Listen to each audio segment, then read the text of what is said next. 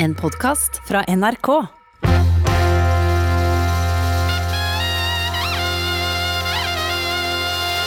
Påskelabyrinten.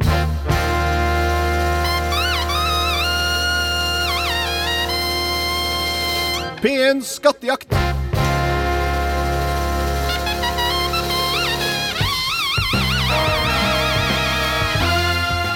God formiddag. Det er påskeaften, og det er finale i Påskelabyrinten 2021. Vi skal altså finne en skatt i dag, og vi har kåra allerede tre finalister som skal være med i tur og rekkefølge. Det er jo da sånn at det er ikke mulig å ringe inn til oss av den grunn, fordi de tre har jo allerede kvalifisert seg. Og om en times tid, forhåpentligvis og knapt det, så har vi kommet fram til skatten, som ligger gjemt et eller annet sted ute i den store verden. Og vi skal jo komme fram dit og finne den. Eh, Verdien av skatten er ei reise på 10 000 kroner.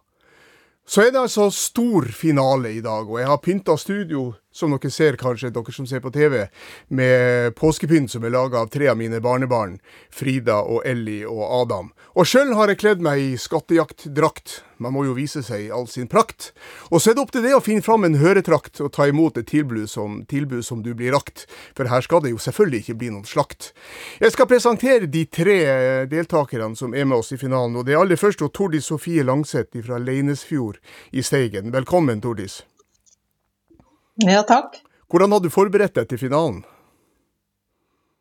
Nei, eh, det har jeg nå egentlig ikke. Det, det har gått litt i ett her med deltakelse mange dager, så jeg kan ikke si jeg er mer forberedt enn da vi starta. Vi tar det på sparket. Det høres veldig bra ut. Så det er han Øyvind Kleven i Nordheimsund. Velkommen til deg også, Øyvind. Takk for det. Du har jo et uh, apparat uh, bak deg, det har vi jo konstatert uh, tidligere. og Jeg regner med at dere er godt forberedt til finalen? Ja, vi er jo det. Vi har vel apparat bak oss, vi som de fleste andre har hatt i labyrinten, tror jeg. Vi er Ja. godt forberedt. Ja, og så er det jo sånn at det kommer til å bli litt strengere i dag. Det har dere alle tre fått beskjed om. For det er ikke mulig å bruke så mye tid som dere kanskje er vant til i de innledende rundene. Og det gjelder jo også han Trond Erling Pettersen i Asker. Velkommen tilbake til det også, Trond Erling. Takk for det, Viggo. Hvordan har du forberedt deg? Du har satt opp det norske flagget i hvert fall, vet jeg. Ja, eh, det er i anledning at min svigerfar eh, som sitter hjemme i Asker har bursdag i dag, så jeg må helst til Tore som eh, har bursdag i dag. Ellers her på hytta på Ringebu så har vi spist av de brødene som ble bakt og gått på ski og stort sett slappa av. Og så har jeg bl- bladd litt i Atlas og, og NAF-boka på forhånd, men ikke noen sånn voldsomme forberedelser. Så får vi se hvor langt vi kommer. I går så kom vi jo fram til det vestligste punktet på det europeiske fastlandet, da Cabo da Roca. Og eh, den første oppgaven går altså til Tordis Sofie Langseth. eh, Og eh, der på Cabo Daroca, så møter du en mann som sier det her. Hei, folkens. Jeg heter Pål, men mange kjenner meg som et familiemedlem. Jeg har hatt mange jobber, både sammen med andre mer perifere familiemedlemmer, og sammen med Jonny med artistnavnet som slutter på et tall. Det mest kjente produktet mitt kom for snart sju år siden, handler om en personlig indre frykt som man kan bære med seg som en bør. Etternavnet mitt er det samme som ditt neste reisemål. Der ligger landets største gudshus i sitt slag, en berømt samling på flyttefot til en gresk bokstav og et nytt svømmebasseng. God reise og lykke til. Det skal kanskje ILT å korrigere Pål med at det er vel det nest største gudshuset i sitt slag. Men uansett, kjente du igjen den karen her, Tordis? Ja, jeg kjente igjen eh, et av de stikkordene som han sa, eh, som gjorde at jeg skjønner at det her er han som eh, har melodien 'Styggen på ryggen', Ja. tror jeg. Ja, det er riktig. Og han sa at han heter Pål, Ja. og jeg oppfatta at, at reisemålet er etternavnet hans. Ja. Og jeg tror han heter Pål Tøyen. Så du vil reise? Ja, jeg reiste Tøyen. Ja, han nevnte om det, dette her med, med nest største gudshus i sitt slag. Hva er det, tror du? Eh, Den nest største kirka i Norge, tenker jeg da. Hvis det ikke er kirke, hva er det da? Hva, hva er det kanskje som er Moské. Ja, riktig den største moskeen i landet. Og han sa også det var en, en berømt samling på flyttefot til en gresk bokstav. Hva var den samlinga som lå på, det, på Tøyen, som nå er på flyttefot? Uh, nei, det Hvis det er en billedsamling, hva er det da, tror du? Jeg tenker på Munch-museet, Ja, men ja, ja. ja. det Nettopp. Det er Munch-museet som skal flytte fra Tøyen til denne bygninga som fikk navnet Lambda, etter en gresk eh, bokstav. Og Vi drar til Tøyen, vi, eh, Tordis. Og der møter du ei dame som sier at ditt neste reisemål ligger i punktet i Norge som avslutter en vei med mer enn tre siffer på det grønne skiltet med bokstav. Den lengste strekninga du uten videre kan kjøre på den veien, er på 15 km. Men hvis du vil kjøre lenger, kan du normalt med papirene i orden kjøre over 380 mil før veien ender i et berømt møtepunkt for 76 år siden. Men du skal altså til punktet i Norge som avslutter denne veien. Hvor skal vi reise nå? Ja, 76 år siden tenker jeg jo kan være avslutninga av andre verdenskrig. Ja, bortimot. Ja. Men eh, ja, jeg- tenker på Storskog som ligger eh, Ja. At, det er, at denne veien er E105. Ja. Og hvor vil du reise hen, da?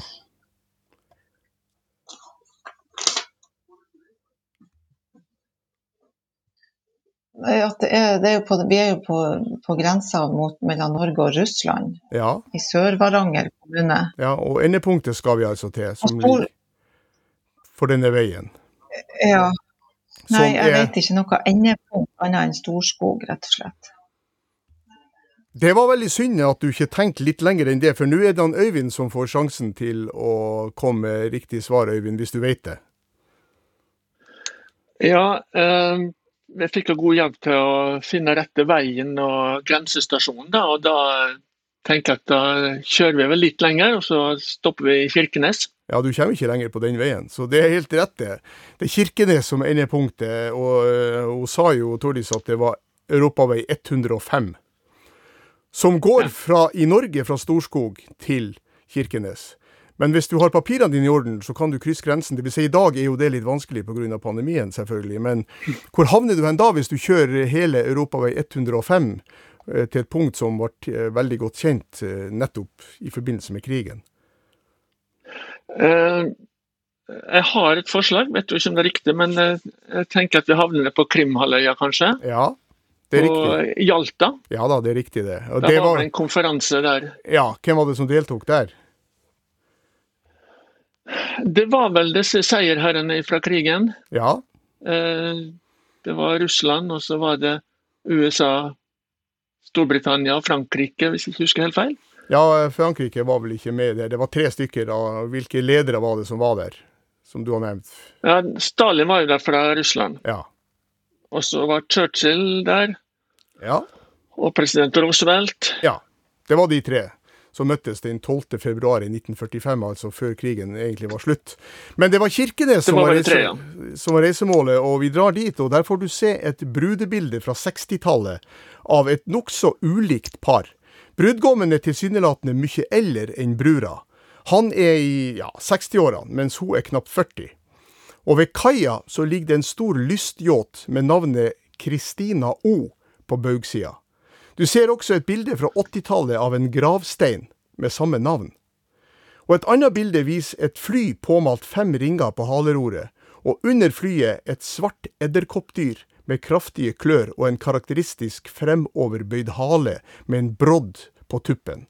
Og en månedskalender for november. Hvor skal vi reise nå? Ja, her var det mye. Eh, Du snakket om, begynte med et uh, brudepar Ja, på 60-tallet. ja, hvem kan det Eh, være? Med stor aldersforskjell. Uh, Jeg tror vel kanskje at det har nav sammenheng med navnet på båten. Ja, Kristina O. Og, ja, og hvis da res resten av O-en skal være Nassis, ja, tenker jeg, så har vi vel enke etter John F. Kennedy. ja, Og hun gifta seg jo da med en uh, rik herremann som Ja. heter Onassis. ja, det er riktig. Og så var det et krepsdyr.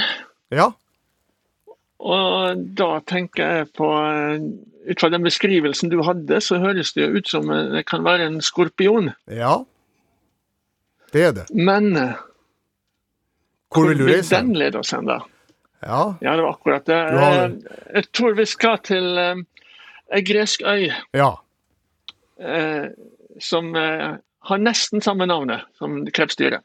Ja, Den heter Skorpios. ja. Og strengt tatt så er det et edderkoppdyr.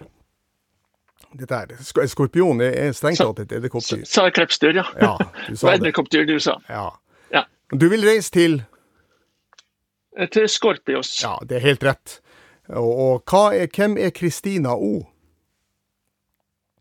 Ja, det er jo da Kristina Onassis eh, som eh, Nei, ikke Kristina. Jacqueline Onassis heter Men hvem er Kristina Onassis? Jeg var spørs om kanskje det er dattera. Ja, det er det, vet du. Og hun ligger også gravlagt på Skorpios. Ja. Ja, hun gikk bort for en tid tilbake.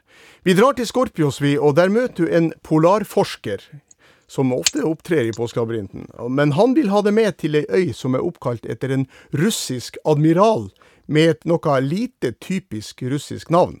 I mange år har bakken her vært frossen, og her levde de siste eksemplar av et utdødd dyr som i dag har slektninger i India. Egentlig kan du oppleve to datoer på samme tid på øya, men myndighetene har flytta fenomenet østover for å lette hverdagen for de som bor der, og på halvøya like ved. Det høres ut som du tar Ja. fram et oppslagsverk. eh, Ja, nå, nå må jeg fram med atlaset her. Eh, Men hvor går tankene dine hen, da? La oss være med på denne atlasreisa di. Ja, eh, jeg tenker at eh, vi kanskje skal helt øst i, i Sibir i eh, Russland. Ja, hva var det som satte tankene inn på det? Eh, du, da først og fremst eh, datogrensa. Ja. Eh, der i havet, i stredet der, Beringstredet, så går jo datogrensa. Ja. Der er det, Det er forskjellig dato på øst- og vestsida av den sida der. ja. Og det, det var ei halvøy. Vi skulle fram til ei øy, sa denne polarforskeren. Som er oppkalt Ja. etter en russisk admiral med et ganske lite typisk russisk navn. Ja. Og- Og eh, Bakken har vært frossen, og her levde de siste eksemplarer av et utdødd dyr som i dag har slektninger i India. Hva slags dyr er det, tror du? jeg vil tro at det er en eh, mammut. Ja, det er det. Som jo har eh, Ja. slektningene sine som den indiske elefanten, som ligger nærmest i slektskap. Ja, men hvor skal vi reise hen? Ja, um, det blir uh, litt lite kjent i geografien akkurat der borte, men det heter jo Beringstredet, så uh, det er vel kanskje noe som heter Beringøya. Uh, jeg tror vi prøver på det. God dag, jeg er Jan Espen Kruse, NRKs korrespondent i eh, den russiske hovedstaden Moskva. Nå har du nok havnet litt på villspor. Men eh, ikke vær redd, jeg hjelper deg til nærmeste knutepunkt, sånn at du kommer deg trygt tilbake til Norge igjen. Fortsatt god påske. Da er det Trond Erling Pettersen sin tur. Hvor skal vi reise hen, Trond Erling? Ja, i likhet med Øyvind så har jeg funnet fram atlaset jeg òg, så jeg driver nå og kikker bort i nærheten av Beringstredet. Eh, og du sa det var eh, Vi skulle til ei øy som var oppkalt etter en russisk admiral, sant? Ja. men med et lite typisk russisk navn. Ja. Em, og da ser jeg at det er ei øy som ligger i nærheten av Beringstredet, um, som heter Vrangeløya. Du Det hørtes ikke så veldig russisk ut for meg, men eh, vi får ta en sjanse og prøve på Vrangeløya. vet du. det er helt rett, for den er oppkalt etter den russiske admiralen og sjøfareren Ferdinand von Wrangel, som leita etter denne øya i 1822, etter at urfolket som bodde der, som heter tsjuksjenere, fortalte om et land øst for fastlandet. Han fant ikke den øya, men det gjorde amerikanerne årene etter, og eh, det var hvalfangstkaptein Thomas Long som ga navnet til øya i 1867 til ære for eh, han Ferdinand von Wrangel. Og de eh, la jo selvfølgelig beslag på øya, amerikanerne, men etter hvert så tok den russiske tsar og erklærte øya for russisk territorium. Og som, eh, som han Øyvind sa, så er jo da datogrensen flytta litt lenger øst for at både folk på, på Vrangeløya og, og Halvøya, som ligger i, i nærheten der, ikke skal bli forvirra av, av, datoen. At, man opererer med, at to naboer opererer med forskjellig dato. Det er ganske upraktisk. ja, den ser jeg. På Vrangeløya så ser du en video av en musiker i uniform med en trombone i handa, som står foran et helt orkester. Han står også ved sida av et lokomotiv og spør den unge, unge konduktøren Pardon me, boy, is this the choo-choo? Og får bekreftelse på det. Så dukker plutselig Sonja Hennie opp i skiutstyr og synger til din overraskelse en blanding av In the Mood og Moonlight Serenade. Og to generaler ved navn Grant og Bragg støter sammen, men det ender med at Grant i mørkeblå uniform jager Bragg i ei litt lysere uniform ut av byen. Og hvilken by skal vi reise til nå? Å, du verden. Eh, ja, her var det mange opplysninger. Eh, du sa vi skulle til eh, en by, ikke sant? Ja. som har noe med et lokomotiv å gjøre. Ja. Og du sa at eh, han som sto ved lokomotivet, han spurte om eh, Is this the choo-choo? Ja. Eh, og da Det eneste jeg forbinder med choo-choo, det er et annet fint rytmisk ord, nemlig chattanooga. Og det, det, er noe som heter Chattanooga Choo Choo, som vel er en, eh, en melodi. Ja. Eh, Hvor vil du reise hen? Ja. Og, Nei, Chattanooga er vel sannsynligvis en by i USA, da, så jeg ja. tenker vi prøver å dra til Chattanooga. Ja da, jeg kan jo eh, beordre mine to gode venner og korrespondenter i USA til bare holder holde seg på plass, for Chattanooga er helt rett. Og det var Chattanooga Choo-Choo det var henvist til. Pardon me, boy, is this the Chattanooga Choo-Choo? Og så videre. Hvem var de to generalene, da? Nei, det kan vel kanskje være eh, to motparter fra borgerkrigen i USA? Ja, det sto et stort slag på Lookout Mountain ved Chattanooga i Tennessee. Eh, der de to mm. generalene slåss mot hverandre, og det var nordstatsgeneralen Ulysses Grant, som jo ble berømt etterpå som president i USA, som jaga han Braxton mm. Bragg av gårde. Og det ligger en masse, masse graver på denne Lookout Mountain. Jeg har faktisk vært der. Og hvem var, det, han, hvem var han som, eh, som hadde trombone, og som leda et helt orkester? Eh, det må nå være en uh, kjent uh, kapellmester, da kanskje? Eller en ja. jazzmusiker av noe slag? Ja. Som har, står bak 'Moonlight Serenade' og 'In the Mood'. Nei, jazz er dessverre ikke min sterke side, Viggo, så her må du ta meg i skole. Han heter Glenn Miller. Ok. Ja, han hadde du hørt om. Jeg har hørt navnet. Ja, nettopp. Han omkom faktisk mm. under krigen over Den engelske kanalen. Eh, på, på, et tokt. Han var der og underholdt de amerikanske styrkene. Men i Chattanooga så møter du nok en hyggelig mann. Det er bare hyggelige folk i påskeavisen, og her er nok en av dem. Hei, jeg heter Jon Einar. Jeg er høvding for alle som bor her i kystkommunen, som har Europas sørligste, største inngrepsfrie område. Her har vi òg det siste fyret du ser på herre breddegraden før du kommer til Island langt uti havet på vei vestover. På vei nordover langs leia har vi òg fyret du passerer før du legger ut på den berøkta havstrekninga, som har forårsaka så mange forlis. Fra Herre kommune kommer det òg en verdensmester og OL-bronsevinner i fotball, og en gitarist som spiller i et av Norges mest populære band med et kort navn. Kommunen har navn etter et elveutløp og bruker fiskerne som symbol. Velkommen hit, og fortsatt god reise. Ja, god reise fikk du ønske om her. Eh, og hvor skal vi reise hen? Nei, Det høres nå ut på dialekta til han høvdingen her som at vi skal til mitt eh, heimfylke i Trøndelag, i hvert fall. Ja. Um, og Han sa han var høvding, og het Jon Einar eh, høvding for hele kystkommunen. Så det må være ordføreren det da, i en kommune på Trøndelagskysten. Ja, det er det. Ja. Men så nevnte han noe om et fyr, ja. som var det siste fyret på breddegraden før Island. Ja. Ja. Um, så ja, det, Han sa jo da en kystkommune. Um, så nevnte han òg en en eh, verdensmester i fotball um, som kom fra den kommunen. Ja. Og det må, nesten, det må nesten være ei dame, for Norge har jo ikke gjort det så skarpt i verdensmesterskapet i fotball for herrer. Så eh, Riktig. det må nesten være en, en kvinnelig fotballspiller. Ja.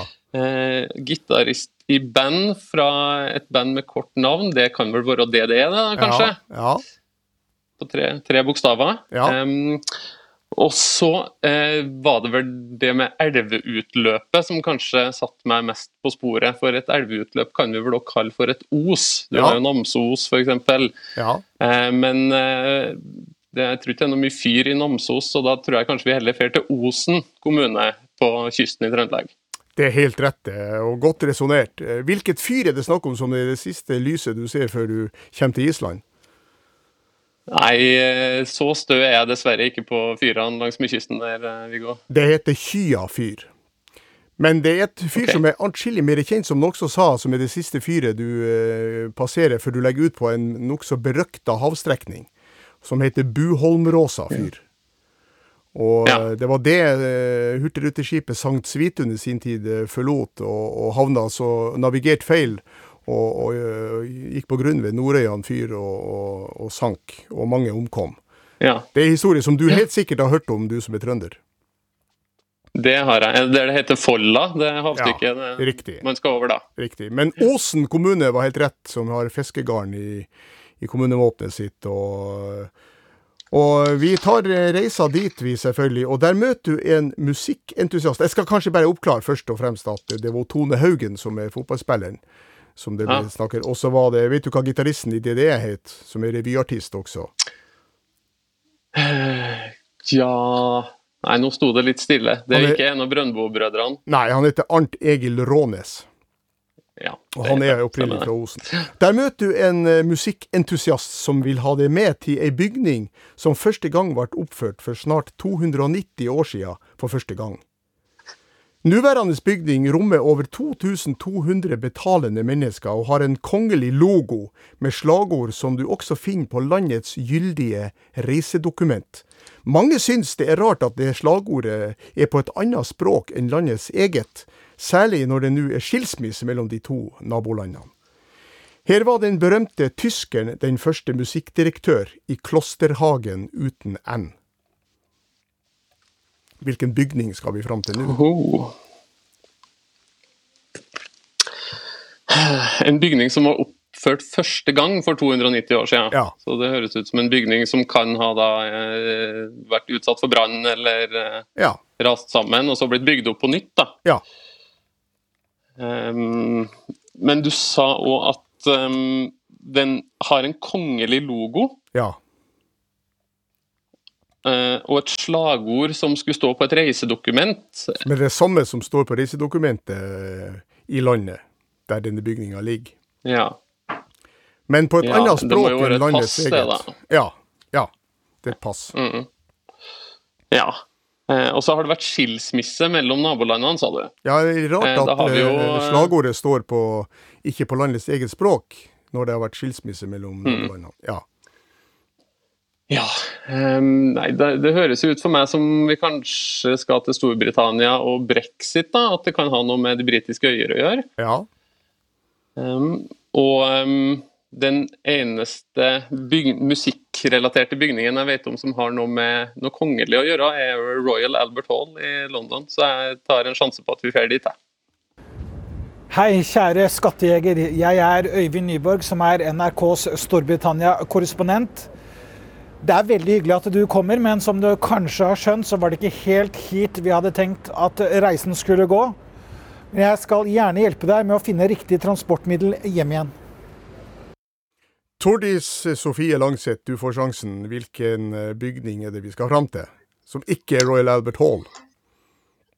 Nei, vi har jo, jeg har jo tenker, Vi vet jo i hvert fall at vi skal til, eh, til England og til London. Ja. Og sannsynligvis et eh, teater eh, eller operahus. Ja. eh, I og med at det har kapasitet til så, eh, så stort publikumstall. Ja. Hvilket Men, hus skal eh, vi fram til?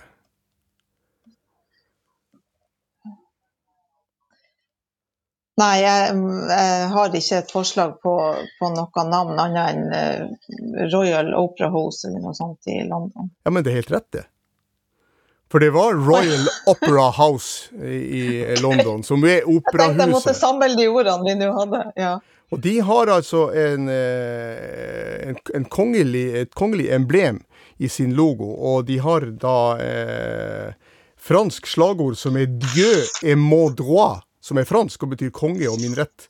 Som ble brukt av kong Henrik 5. på 1400-tallet, og første gang brukt av kong Richard den første av England. Og det er jo fransk, og når det også står på det britiske passet, så blir det litt rart når det, som uh, uh, han, Trond Elling var inne på, er brexit for tiden. Royal Opera House, hvem som var den første musikkdirektøren der, da, tror du, som er med tysk navn? Meget kjent komponist. Og for, for nesten 300 år siden. Ja. Han var eh, i 1735 Georg Friedrich Händel, het han. Og han fikk sine ja. operaer også oppført der. Han var musical director der. Og så har bygget, eh, som det ble sagt her, det har vært brann der ikke bare én, men flere ganger. Slik at det, det tredje operahuset som nå står, mm. i det som, som det ble sagt var Klosterhagen, hva er det?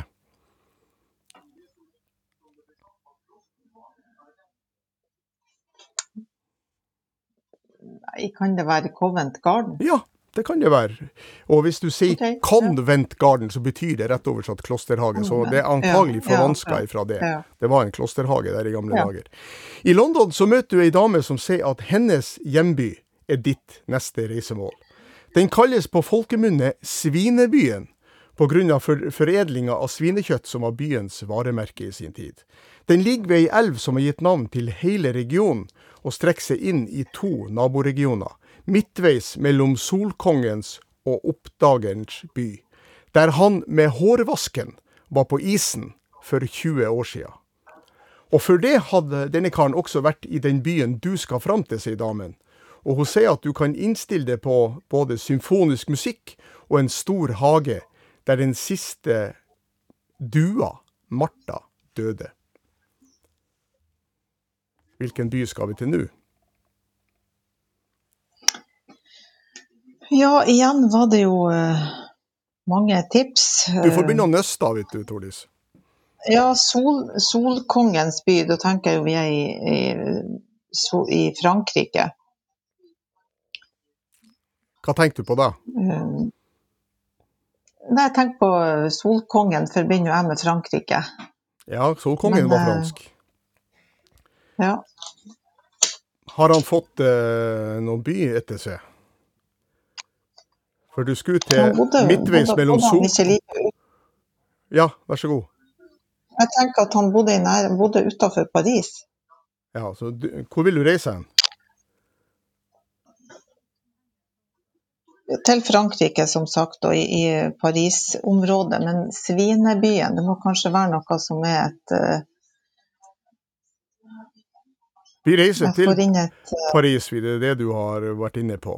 God dag, kjære skattejeger. Dette er Simen Ekern, korrespondent i Europa. Uheldigvis så har du havnet på feil sted, men det er ingen grunn til å være bekymret. Jeg skal hjelpe deg å finne veien hjem igjen med rett transportmiddel. Det var en nokså grov bom, eh, dette her, eh, Øyvind. Hvor vil du reise hen? Ja, det var det. Uh, jeg fikk jo svar fra deg nå at uh, vi sannsynligvis ikke skal der vi var. ikke i Frankrike, altså. Nei. Uh, men jeg lurer på om vi skal ta oss en litt lengre tur. Ja, gjør det. Ta oss en tur over, over Stillehavet. Ja vel. Over Stillehavet, OK? Ja, det, men det er mye som ligger over Stillehavet. Ja, altså, Det spørs jo hvilken vei du reiser, selvfølgelig. Og hvor du ja. reiser fra, selvsagt. Um, Columbus er stikkord som jeg har fått litt inn fra sida her. som ja. Kanskje han reiste jo ifra fra Europa over til USA. Eh, jeg har ikke noe bedre forslag. Jeg prøver Columbus. Du prøver Columbus, som jo er en by i eh, USA. Vil du reise dit? Ja, vi prøver det i Ohio. Hei, dette er Anders Magnus. Jeg er utenrikskorrespondent for NRK i Nord-Amerika. Det er alltid hyggelig med besøk, men nå har du dessverre havnet på feil sted. Men fortvil ikke, jeg skal hjelpe deg til nærmeste flyplass, så du kommer deg trygt tilbake til Norge. Da vil du ha en riktig god reise og god påske. Det var så uendelig mange flere opplysninger enn akkurat dette og jeg må presisere at vi skulle altså fram til en by midtveis mellom Solkongens og Oppdagerens by, der han med hårvasken var på isen for 20 år siden. Ja, eh, Trond Erling Pettersen, vi kom tilbake til det. Har du en løsning på denne oppgaven? Jeg håper det. Uh, han, men du sa at han med hårvasken, han holdt det i Oppdagerens by. Men det er ikke dit vi skal? Nei, eh, det, det, som sagt, det, som var sagt, er at han ja. med hårvasken var på isen for 20 år siden, og før det ja. hadde han også vært i den byen du skal fram til. Nettopp. Ja. Eh, det tror jeg må være Sjampo Knutsen, som er han med hårvasken, som var på isen. Ja. Espen Sjampo Knutsen. Eh, ja. Han har jo spilt i flere klubber bort i, i NHL i USA. Ja. Eh, han har bl.a. spilt i Columbus uh, Blue Jackets, så jeg forstår godt at Øyvind var innom Columbus. Absolutt. Eh, og det ligger jo i, i Ohio. Um, men så er det jo um, en by i litt lenger sørvest, i Kentucky, som heter Louisville. Ja.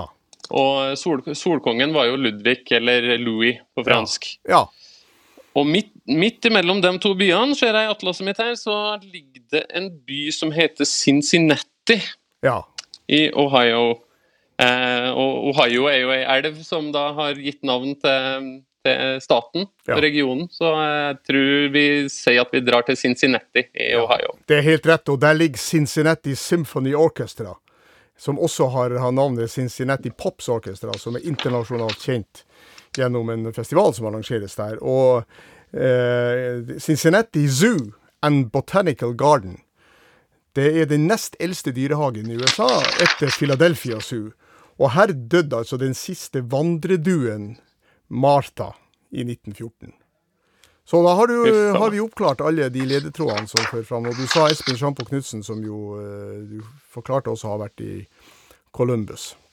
Du skal altså reise mm. videre nå til en by med stor B, som er sentrum både i sitt land og på sett og vis i hele verdensdelen. Riktignok lite for oss i Norge. På den andre sida er en kjent nordmann bosatt her for å skjøtte et annet viktig internasjonalt verv. Byen er offisielt tospråklig, og en skulptur som utfører en naturlig, men kanskje litt uanstendig handling, er den største turistattraksjonen i byen. Hvor skal vi reise hen? Ja, by med stor B i bokstavelig forstand, kanskje. For ja. jeg har mistanke om at den byen her begynner på B, og til og med ligger i et land som begynner på B. Ja, det er rett. Um, sentrum i landet og sentrum i verdensdelen, det høres jo ut for meg som Europa og en, en by som er viktig for EU. Det ja. har jo ikke alltid så mye å si for oss i Norge, men, eh, men en del. Ja. Og så nevnte du en kjent nordmann som eh, har et viktig embete i byen, og det må jo nesten være Nato-generalsekretær Jens Stoltenberg. Ja. Um, og så var du innom en skulptur som gjør en uanstendig handling, og det tenker jeg må være han lille Manneken Piss som gjør ja. sitt uh, fornødne ut i en fontene. Ja, Hvor uanstendig det er, uh, da, det kan vel diskuteres, Trond Erling, for det er jo ganske naturlig, da. Og, og, og lens, ja, det er det. Det er sant. Ja, men på offentlig sted skal man være litt, være litt forsiktig med å lense sjarken. Ja, ja. Hvor skal vi reise hen? Vi må over til Brussel. Vi må til Brussel, det er helt rett det. I Brussel så ser du en videospiller som står klar, og hva gjør du da? Nei, da får vi trykk på play. Ja, og når du starter avspillinga, så ser du en ei lita farga jente som møysommelig går med skinne på begge beina. Plutselig så ser du at hun har kasta skinnene og kommer mot deg med fire OL-medaljer rundt halsen, tre av dem i gull. Og så forsvinner bildet, men du hører det her.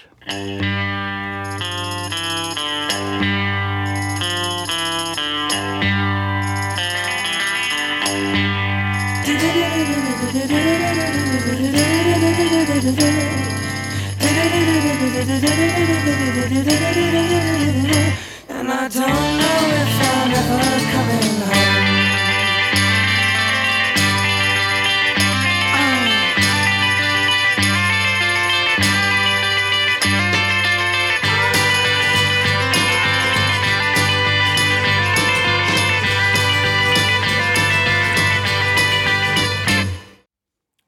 Hvor skal vi hen nå? Ja, det var ikke så lett. Eh, du sa ei lita farga jente med skinner på beina, Ja. som eh, senere har kasta skinnene og fått seg en OL-medalje. Ja. Eh, kanskje det kan være en friidrettsutøver, ei som eh, mot alle odds har blitt eh, rask til å springe. Ja. Mhm. Men den musikken eh, det, Du må huske på, Viggo er jo så vidt bare litt eldre enn Påskelabyrinten, så det høres ut som den musikken her eh, er fra eh, P1 pluss, holdt jeg på å si. Fra Ja. 60-tallet, kanskje. Ja, den er nok det. Uh, ja. Um, jeg tror kanskje det var The Monkees vi hørte. Får jeg Ja. et lite tips om her. Ja da, det var det. Har du noe forhold til dem? Uh, og da Nei, det var vel dem som hadde en syngende trommeslager, var ikke det? Jo, det er helt rett. Det er helt rett, og det var han som sang. Mm, jeg har, jeg jeg har hørt, noen, hørt noen låter av dem, men akkurat den låta her har ikke jeg mm, hørt. Men nå får jeg inn et, eh, en SMS fra en uh, musikkyndig kompis av meg som sier at uh, den kan hete 'Last Train to Clarksville', den låta her. Ja. Så da tror jeg vi satser på å dra til Clarksville. Og hvilken friidrettsutøver som eh, i sin barndom gikk med skinne, er det som er fra Clarksville? Tja Jeg vet ikke om så voldsomt mange friidrettsutøvere. For jeg gjetter på at det ligger i USA, da. Det er vel kanskje Marion Jones? Nei, det er noe mye Mye, mye Er det eldre enn det. Ja, det er lenger tilbake i tid. Hun tok altså uh, gull i OL i Roma i 1960. Ah. Tre gull på 100 meter, Mm. 200 meter og 4 ganger 100 meter stafett. Pluss at hun tok bronse for USA på 4 ganger 100 meter stafett i det foregående OL i Melbourne i 1956. Ja, da er det hun um, Wilma Rudolph, det? Ja, det er det. Og hun var altså født i uh, en by som heter Clarksville, Tennessee. Eller vil si, de flytta fra St. Mm. Bethlehem til sentrum av Clarksville, Tennessee når hun var lita, og ble ramma av polio, poliomyelitt. Men klarte å trene Ja. seg opp uh, i, så mye at hun faktisk var suveren som friidrettsutøver. Og Last Train to Clarksville var en, en hit med The Monkey, som var en sånn TV-gruppe som var på en måte satt sammen i USA Mm. som et motsvar til The Beatles. Og du hadde helt rett i at det var Mickey Dollens, uh, trommeslageren, som, eh, som sang på denne låten. Vi fikk ikke høre han synge her, riktignok, da. Men uh, tekstforfatteren til denne låten her, han trodde at uh, utgivelsen av Paperback Writer At Paul McCartney sang 'Take the Last Train'. Det gjør han jo ikke da i den teksten. Mm. Det ble en inspirasjonen til tittelen, da.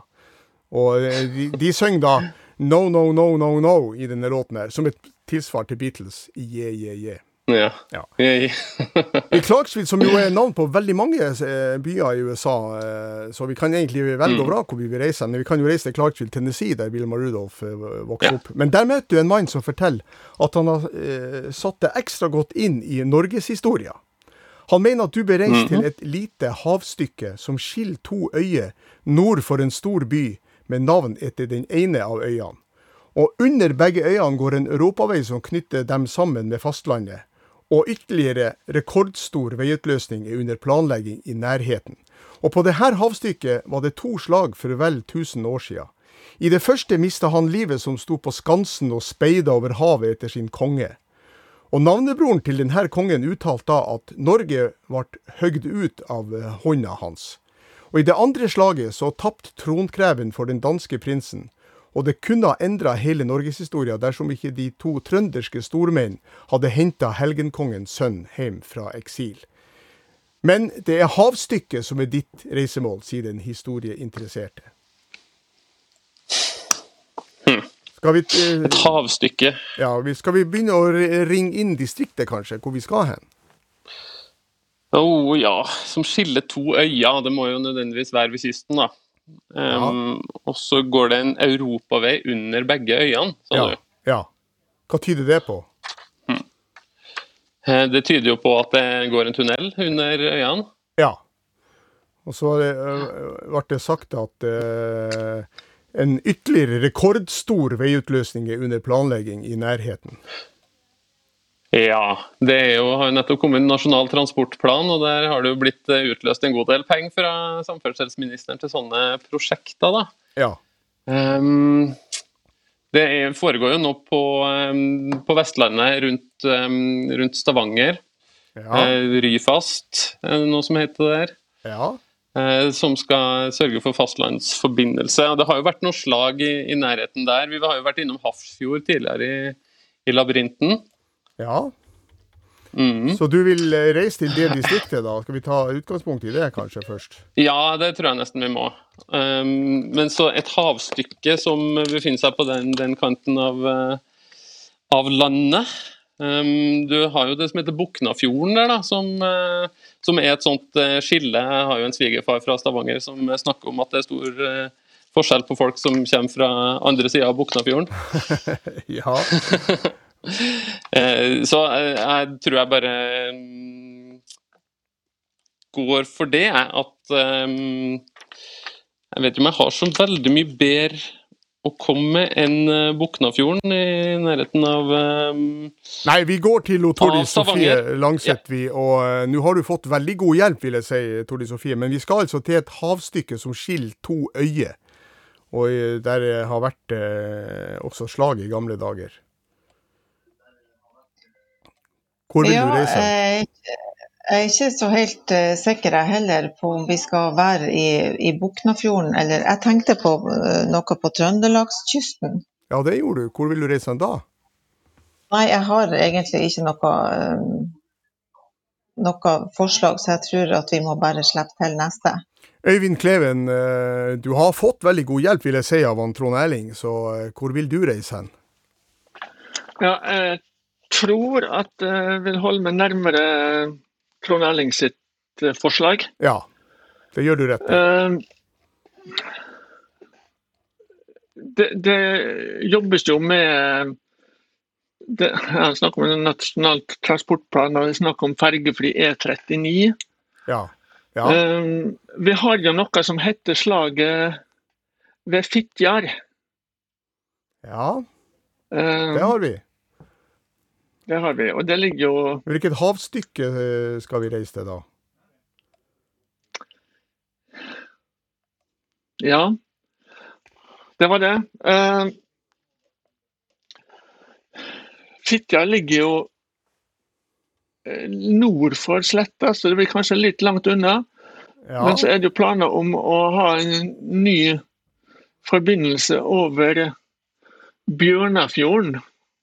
Som da skal Du ligge mellom nok Stord, dessverre Tysnes og på, fastlandet. du er nok dessverre på villspor, eh, Øyvind, så vi tar inn Trond Erling Pettersen igjen. Nå har du sjansen til å rette opp i det du var i ferd med å resonnere i sted. Ja, det var det, da. Um, men uh, Fitjar ligger jo på Stord, det er jo ei øy. Ja. Vil du, Um, vil du holde deg i det distriktet? Jeg vet ikke om, altså Det er jo en såpass stor øy at jeg kan ikke uh, tenke at det går noen europavei under hele øya, i hvert fall. Nei. Um, nei. Um, kanskje vi Altså, jeg har jo tilbrakt et år på folkehøyskole i Molde. Jeg vet jo at det er noen planer om noe utbygging av der òg. At det skal bli fergefritt mellom Molde og Vestnes, endelig. Du må, være, være, du må være eh, mer tru mot det du opprinnelig tenkte, så det er jo Tordi Sofie Langseth som får sjansen nå, da. Eh, vær heller tru mot det som han Trond Erling Pettersen eh, ville ha reist til. Eh, aller først, Tordi Sofie, hvilket havstykke vil du reise til nå, hvis du skal holde deg i Rogaland? Ja, jeg, kom jo også fram til Fitjar her, og da tenker jeg hvis, vi er, hvis øya, ei av øyene er Stord, så er fjorden eh, så, er det, så, så Sør for Stord ligger Bømlofjorden. Men du hørte ikke etter hva jeg sa, eh, Tordi Sofie, for jeg sa hold deg i Rogaland. Øyvind Kleven, eh, nå får du en ny sjanse på å løse opp dette her. Ja, jeg har uh, fått inn et tips her om noe som heter Soknasundet. Så du vil reise dit? Som skal ligge, som skal ligge mellom Sokn og Bru i Rogaland. Ja, vi får prøve det. Ja, det ligger, skiller jo øyene Bru og Sokn i Rennesøy kommune i Rogaland. Og det er der, eh, hvilken europavei er det snakk om da? Det er vel E39 vi snakker om, tror jeg. Ja, og den veiutløsninga blir da Boknafjordtunnelen, som blir verdens lengste og djupeste veitunnel med 26,7 km og eh, nesten 400 meter under havets overflate. Så eh, vi, vi får vel ikke så veldig mye tid til å oppklare alt det som blir sagt, men jeg kan jo si at eh, det var Erling Skjalgsson som det var snakk om i dette slaget, fra Sole. Han som, som nevnes i dette diktet av Bjørnstjerne Bjørnson, er det vel, som heter 'Brede seil'. Høyt på skansen i morgen står Erling Skjalgsson fra Sole. Og det var flere eh, slag der. Men eh, vi eh, må nesten ile videre, for vi begynner jo etter hvert nå å, å nærme oss den berømte skatten. Og i eh, Soknasundet så får du se starten på en film der en logo viser 22 stjerner som flyger inn og danner en bue over et fjell. Fram kommer et tredelt flagg med fargene grønn, hvit og rød. Og en kjele med vann koker, og termometeret oppi viser 87 grader celsius når det koker. Et ukjent ansikt viser på toppen av fjellet. Hvor skal vi reise nå? Eh, starten på filmen er jo for så vidt eh, starten på mange filmer, tror jeg. Det er vel logoen til filmselskapet Paramount. Ja, det er det. Og så var det et grønt og hvitt og rødt flagg, sa du. Ja, hvilket flagg kan det være?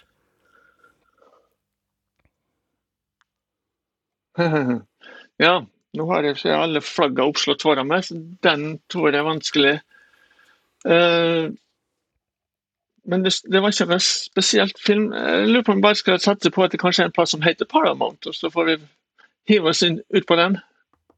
Hei, dette er Anders Magnus. Jeg er utenrikskorrespondent for NRK i Nord-Amerika. Det er alltid hyggelig med besøk, men nå har du dessverre havnet på feil sted. Men fortvil ikke, jeg skal hjelpe deg til nærmeste flyplass, så du kommer deg trygt tilbake til Norge. Da vil du ha en riktig god reise og god påske.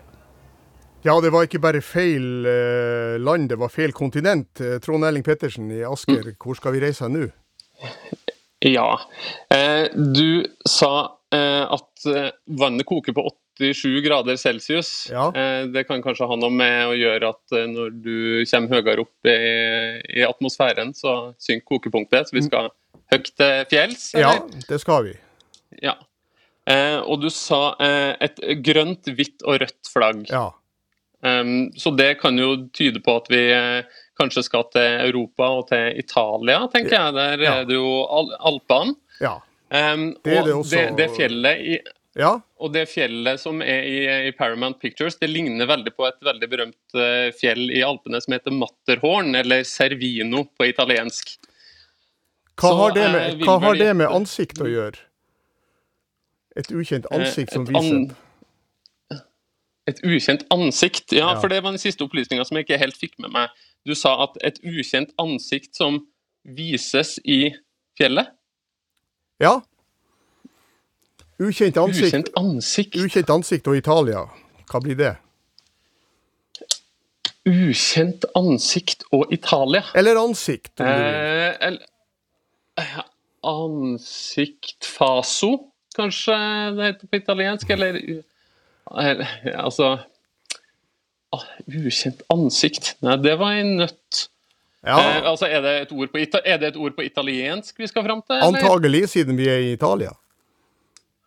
Ja, hva heter ansikt på italiensk, da, mon tro? Nå skulle jeg fulgt med litt bedre i italiensktimene, men eh, jeg har nå heldigvis ei eh, eh, italiensk Jo, viso heter det på italiensk. Ja. Monteviso. Monteviso, ja. kanskje, da. Så du vil reise til Monteviso. Ja, det er helt rett. Og vi, grunnen til at vi ikke skulle til Matterhorn, som også ligger for så vidt i Italia, halvveis da, det er jo det at da mm. ville dette kokepunktet vært atskillig lavere, for Matterhorn er 4400 meter, mens Monteviso er 3800 meter.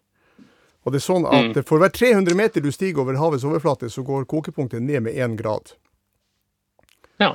Da lærer jeg litt fysikk i dag òg. Ja, og så er det sånn at uh, dette ansiktsfjellet, Monteviso, eller Monviso, det er ett av flere fjell, fjell som man tror er uh, grunnlaget for denne logoen til Paramount Pictures. Som, mm. uh, ja. Så da reiser vi til Monteviso, og når du kommer dit, så møter du en mann i 70-årene 70-årene, som sier det her. Nå er du framme ved skatten i Påskelabyrinten 2021. Den ligger i fødebyen til han som vi feirer 250-årsjubileum for på dagen i dag. Jeg står i ledelsen av den nasjonale feiring av han som forandra Norge og skapte en bevegelse i sitt navn. Vi åpner forresten også et besøkssenter ved barndomshjemmet hans. Byen, som har et kongenavn, er også kjent for planka og for fotball. Hvor skal vi reise nå for å finne skatten, Trond Erling? Eh, hvis vi skal til en by som er kjent for planker og fotball, så eh, høres det ut som vi skal til Fredrikstad. Og du vil reise til Fredrikstad.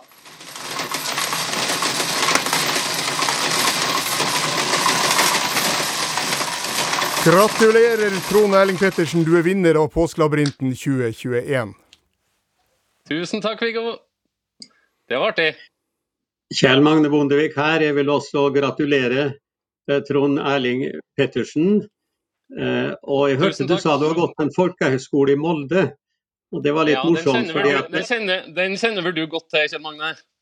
Ja, jeg vokste opp der, for far min var jo rektor der i sin tid.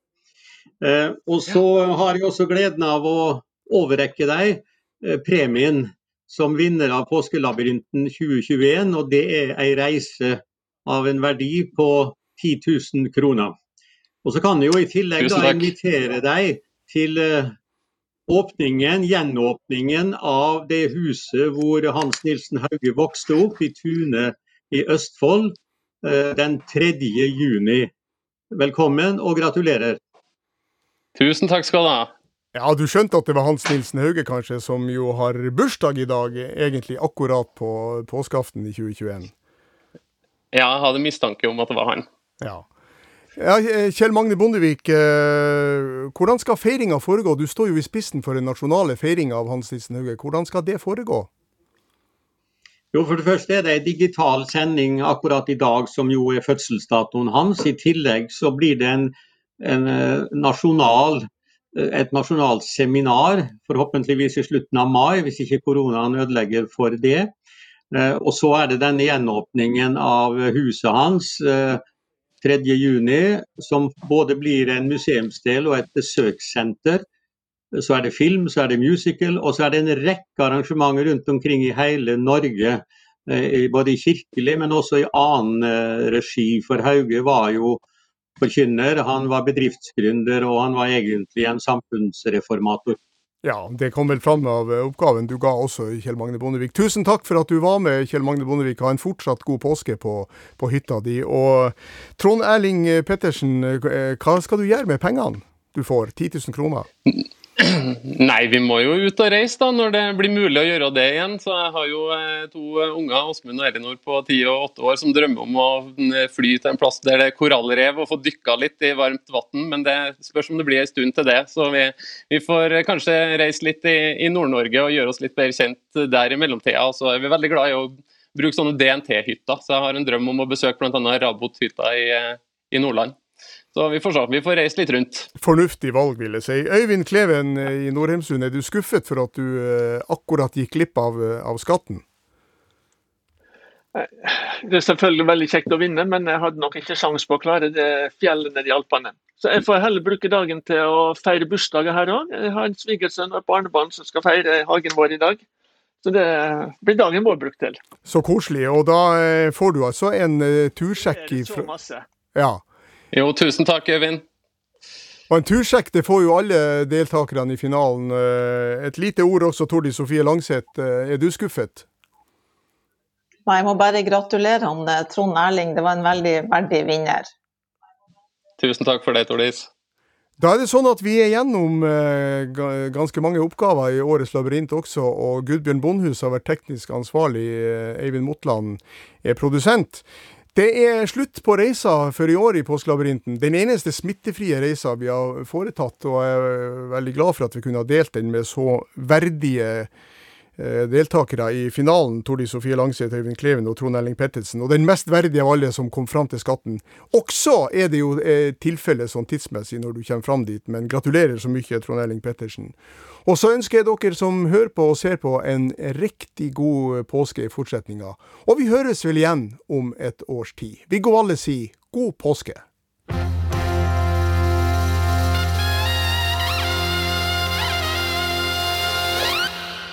En podkast fra NRK.